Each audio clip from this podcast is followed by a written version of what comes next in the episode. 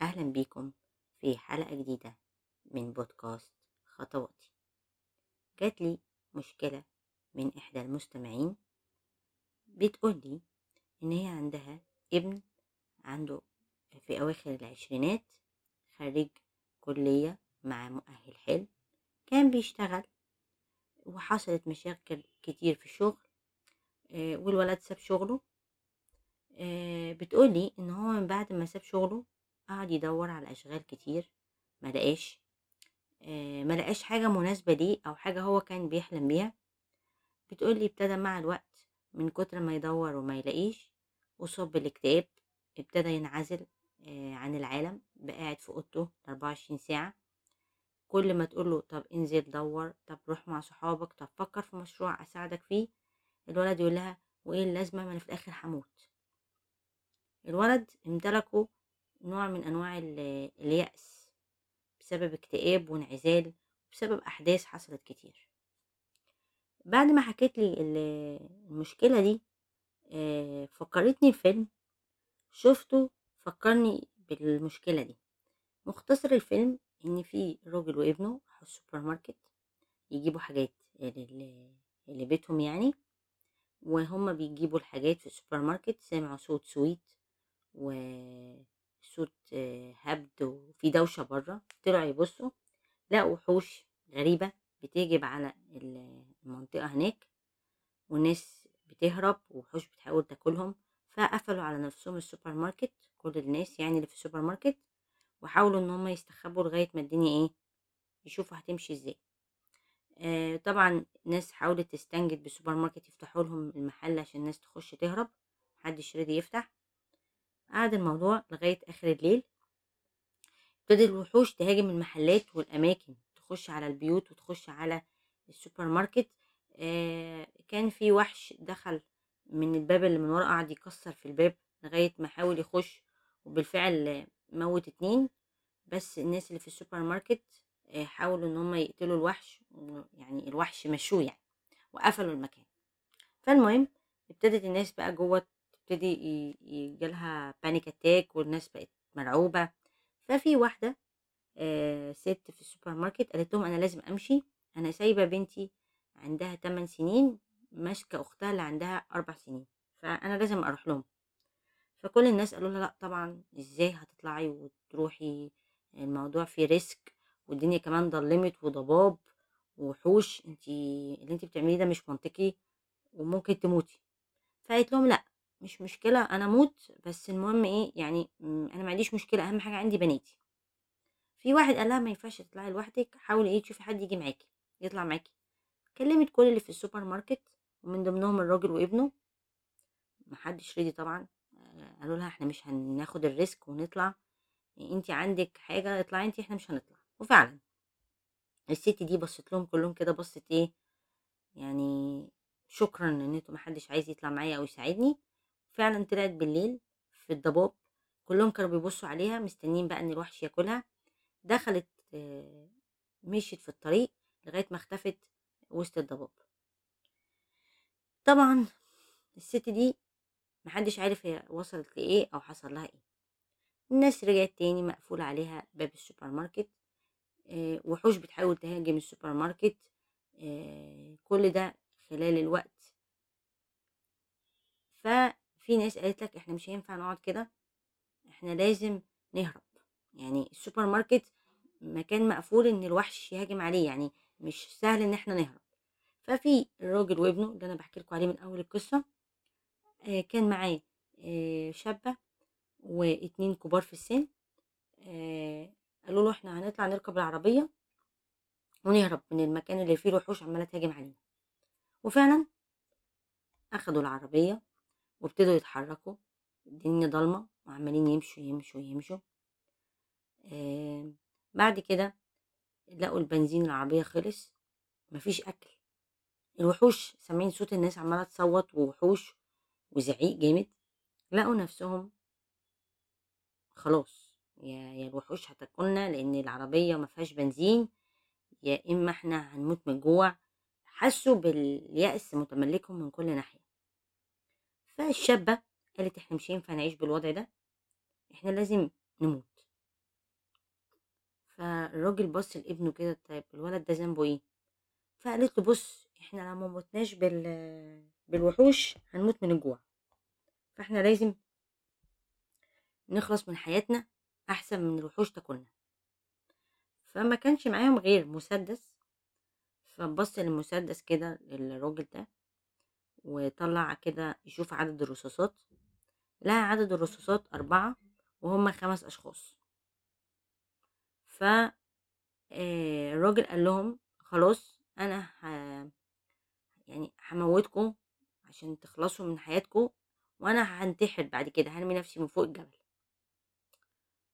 هو الأول كان متردد يعني هقتل ابني وقتل الشابة وقتل الناس يعني بس قالوا لأ إحنا لازم نموت إحنا نموت أحسن بمزاجنا ولا إن الوحش ياكلنا ونتبهدل. ففعلا الراجل مسك المسدس قتل آه، ابنه وقتل الشابة الصغيرة والراجل والست الكبار اللي كانوا معاه. أول ما قتلهم ابتدت تجيله هستيريا أنا إيه اللي عملته ده؟ وقعد يعيط ويصوت حاول يضرب نفسه بالمسدس طبعا مفيش رصاصات. طلع على حافة جبل هناك ال- الأماكن هناك في جايبينه إن هو خلاص يعني في حافة إن هو يرمي نفسه لسه حي يبتدي يرمي نفسه وهو منهار وبيعيط سمع صوت عربيات جاية لقى عربيات الجيش محملة ناس كتيرة آه وبتحاول تخليهم من المدينة ومن ضمنهم الست اللي في أول الفيلم قالت لهم عايزة حد يجي يساعدني إن أنا آه يعني أروح لبناتي. لقى الست دي ماسكة بناتها الاتنين وبتبصله بصرة انتصار. بتقوله أنا انتصرت وعرفت أوصل لبناتي وكمان طلعت من المدينة. هو كل ده وهو بيبص لها بلحظة انهيار وحسرة. الراجل ما بين قتل الناس وما بين خروج العربيات ما كملتش دقيقة. الراجل ده لو كان استنى دقيقة دقيقة كان ممكن ابنه والمجموعة اللي معاه كانوا زمانهم دلوقتي ركبوا العربيات واتنقذوا من الوحوش وطلعوا من بره المدينة خالص. فرق الدقيقة دي كان ممكن يغير حياته اللي أنا عايزة أوصله إن الراجل ده أصاب هو والمجموعة اللي معاه باليأس. خلاص فقدوا الأمل. مفيش أكل في وحوش مفيش بنزين في العربية الدنيا ضلمة. كل الظروف بتقول إن خلاص مفيش مفر. الراجل ده هو والمجموعة اللي معاه لما أصابوا باليأس وفقدوا الأمل قرروا إن هما ينتحروا. لكن الست كان عندها أمل تلاقي بناتها وتوصل لهم وتطلع بيهم لبر الأمان. هو إيه يأس؟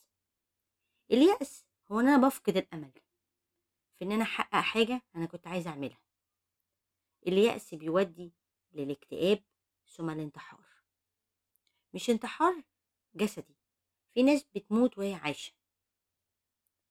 لكن الست كان عندها أمل كان عندها أمل لآخر لحظة إن هي توصل لبناتها. في حاجات كتير أوي في حياتنا وحوش ظروف أشخاص الظروف المحيطة بينا. وخاصة في الوقت اللي إحنا عايشينه دلوقتي كل الظروف واللي بنشوفه في العالم بيصيبنا باليأس. الناس اللي بتموت وبتفقد حياتها من غير سبب. المجاعات اللي بقت بتحصل الظروف الاقتصادية انهيار دول ناس في يوم وليلة حياتهم بتتغير. كل ده بيخلي الناس تفقد الأمل. لما بتفقد الأمل بتبتدي تصاب باليأس وتقول أنا عايشة ليه؟ زي الشاب. اللي مامته بعتت لنا مشكلتها. انت قلت إن الحياة هتنتهي. وأنا هموت ومهما عملت كده كده أنا هموت في الآخر. ليه؟ هو إحنا لو جايين عشان نموت يبقى ملهاش لازمة الحياة. هو إحنا جايين نتعذب في الدنيا؟ لأ. إحنا مش جايين نتعذب. إحنا جايين ولينا رسالة ولينا هدف. آه الظروف بره بتقولك إن الدنيا وحشة. كل حاجة عاملة زي الوحوش عمالة تاكل فينا وبتاكل في حياتنا بتاكل في أحلامنا. لكن يا ترى هنفضل واقفين قدام الوحوش دي ونقول لهم اتفضلوا تعالى كلنا؟ لأ. ما تسمحش لوحش اليأس ياكلك. حط هدف. الست اللي في الفيلم كانت حاطة هدف بناتها. طلعت في عز الليل لوحدها. الدنيا ضلمة وفي وحوش كتير قوي قوي قوي حواليها. بس الهدف اللي هي كانت حاطاه هو اللي خلاها توصل لهم وتحارب عشانهم. حاربت حاربت الوحوش وحاربت خوفها وحاربت الوحدة. ما عندهاش حد يسندها. لكن طلعت وصلت لبناتها. وصلت لهم وأخدتهم وطلعت بيهم لبر الأمان. الإنسان لو فكر في هدفه في الحياة أو رسالتي إيه؟ أو أنا جاي ليه الدنيا؟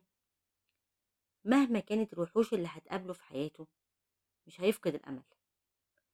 في وحش اتنين عشرة هعدي وهوصل. ما تقولش آه الدنيا مش هتديني اللي أنا عايزه. هي فعلا الدنيا مش هتديك اللي أنت عايزه. أنت محتاج تحارب عشان توصل للي أنت عايزه. مهما كانت الظروف المحيطة بينا. لو كل الناس فكرت إن هي ما وصلتش للي هي عايزاه يبقى كل الناس هتموت. آه في حاجات كتير بنحاول نوصل لها بس مش بنعرف نوصل لها في الآخر. يبقى نحط أهداف تانية. أفكار تانية تقدر تخليني أقوم على رجلي. ما هو ما تقولش إن ربنا خلقنا وإحنا ملناش دور. لا إحنا لينا. لينا دور كبير كمان في الحياة. أنا مش هسيب اليأس يتملكني. مش هسيب ال- ال- الاكتئاب والحزن والظروف الوحشة تكوني ما تتحاولش تبقى زومبي في ناس بجد أنا بشوفها هي ماشية وسطينا وعايشين بس هما من جواهم ميتين. ميتين لأن هما فقدوا الأمل. سبب من أسباب اليأس وفقدان الأمل إن في ناس حوالينا بتضغطنا على حاجات ومتطلبات مش هقدر أوصل لها. عشان دي حاجات وهمية.